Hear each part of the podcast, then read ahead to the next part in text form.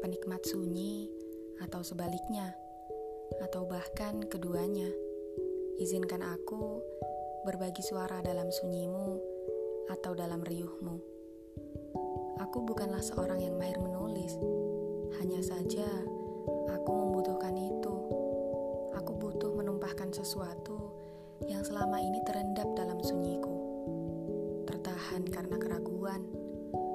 Terkadang aku merasa tulisanku bisa membersamai hati dan rasa orang lain.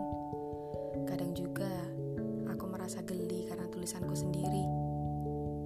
Tapi apa aku harus selalu menahan diri untuk tidak menulis hanya karena raguku?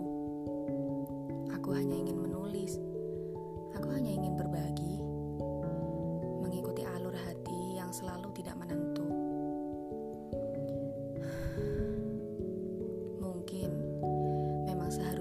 Seharusnya aku lawan raguku dari dulu.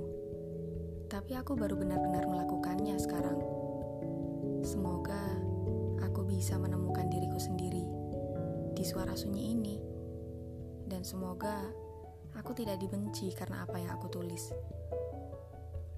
Dan aku berdoa, aku tidak akan lagi terhenti karena raguku. Terima kasih telah hadir, wahai para pendengar. Terima kasih telah memecah sunyiku. Salam aku.